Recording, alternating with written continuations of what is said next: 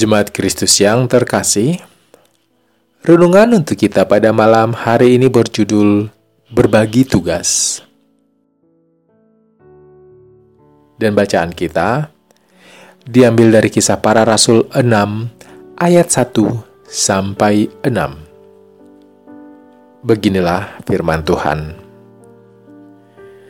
Pada masa itu, ketika jumlah murid makin bertambah, timbullah sungut-sungut di antara orang-orang Yahudi yang berbahasa Yunani terhadap orang-orang Ibrani, karena pembagian kepada janda-janda mereka diabaikan dalam pelayanan sehari-hari. Berhubung dengan itu, kedua belas rasul itu memanggil semua murid berkumpul dan berkata, "Kami tidak merasa puas karena kami melalaikan firman Allah untuk melayani meja." Karena itu, saudara-saudara, pilihlah tujuh orang dari antaramu yang terkenal baik dan yang penuh roh dan hikmat, supaya kami mengangkat mereka untuk tugas itu, dan supaya kami sendiri dapat memusatkan pikiran dalam doa dan pelayanan firman. Usul itu diterima baik oleh seluruh jemaat.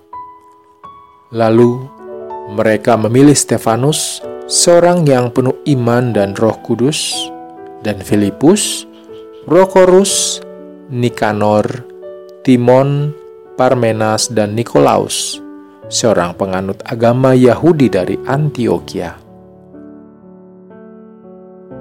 Mereka itu dihadapkan kepada rasul-rasul. Lalu, rasul-rasul itu pun berdoa dan meletakkan tangan di atas mereka. Bacaan kita saat ini menunjukkan bahwa pelayanan bukanlah monopoli satu kelompok saja. Bahkan hal ini ditunjukkan langsung oleh para rasul yang bisa dikatakan bukan orang sembarangan. Kerendahan hati yang dimiliki oleh para rasul menunjukkan bahwa pelayanan yang mereka lakukan bukan untuk kepentingan diri mereka sendiri dan bukan untuk membesarkan nama mereka sendiri, melainkan semata untuk Kristus dan orang-orang banyak yang diselamatkan. Para rasul bersedia melimpahkan sebagian tanggung jawab mereka kepada orang-orang yang terpilih demi pelayanan dapat berjalan maksimal dan untuk kepentingan yang lebih besar. Teladan yang diberikan para rasul ini seharusnya mengingatkan kepada kita bahwa kita bukan siapa-siapa. Ada banyak keterbatasan yang kita miliki, baik yang kita sadari maupun yang disadari oleh sekitar kita.